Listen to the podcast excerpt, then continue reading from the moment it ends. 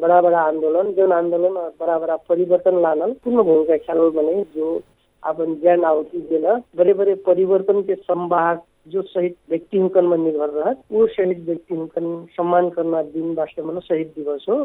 स्वभावतः आज शहीद दिवस मूलतः सांस्कृतिक क्रांति से लेकर विभिन्न बेला बेलामा हुलक जन आंदोलन मन ज्ञान देलक परिवार सम्झके ऊ व्यक्ति हुकन सम्झना के लाग आज यी दिवस मना दैती बर्दिया जिल्लामा न द्वन्द्वके बेलामा मार्गिल मनेको विकल चाहिँ तिन सय उनान्सय मनीबाट हामीसम्म।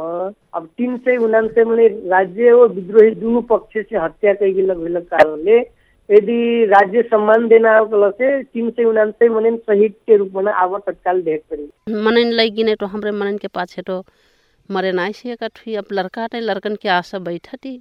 उनसठ साल में लगी नहीं कुंवर सोरा गटे राती के ले जाए? आर्मी पुलिस लगी नहीं रात के माओवादी हो कह के लगी नहीं का हूँ खोज तलाश तो हमरे कट्टर घूमली कट्टर का कैली कि जिट्टी देखाए कि मरल देखाए?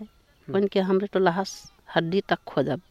तलाश मिलत वही चले गडर बडर इहर हरिन करस खोज के अब मैं से नॉन टेल है ना मैं से लुगा लट्टा कुछ पर ले पर से फिर अब अट्रे से कहाँ पुगी? शहीदका घोषणा भएका शहीदका परिवारहरूलाई कमसेकम राज्यले दिने भनेको एउटा एउटा मुख्य कुरा त सम्मानका कुरा हो। राज्यले दिने सम्मान होइन।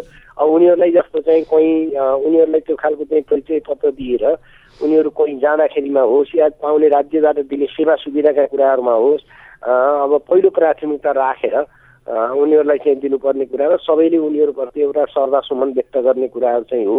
परिवारप्रति एउटा आस्था र सम्मान व्यक्त गर्ने कुराहरू हो होइन। मुख्य कुरा त त्यो हो।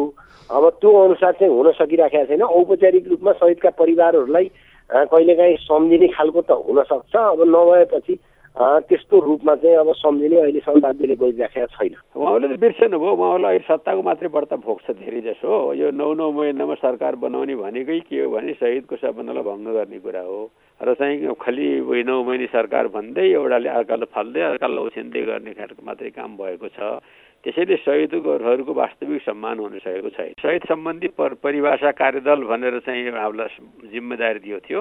त्यसअनुसार हामीले देशभरिका चाहिँ विशिष्ट विद्वानहरूसँग सल्लाह गरेर हामीले एउटा प्रतिवेदन दिएका हौँ। तर त्यसअनुसार त्यो सरकार त्यति थन्कियो त्यसमा केही पनि कार्य लागू भएन।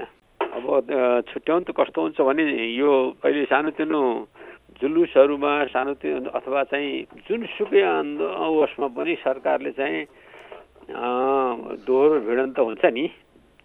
जस्तो अहिले चाहिँ यो विशेष गरेर नाकाबन्दीको बेलामा त्यस्तो त्यस्तो स्थितिमा दोहोरो चाहिँ हुने चलन हो।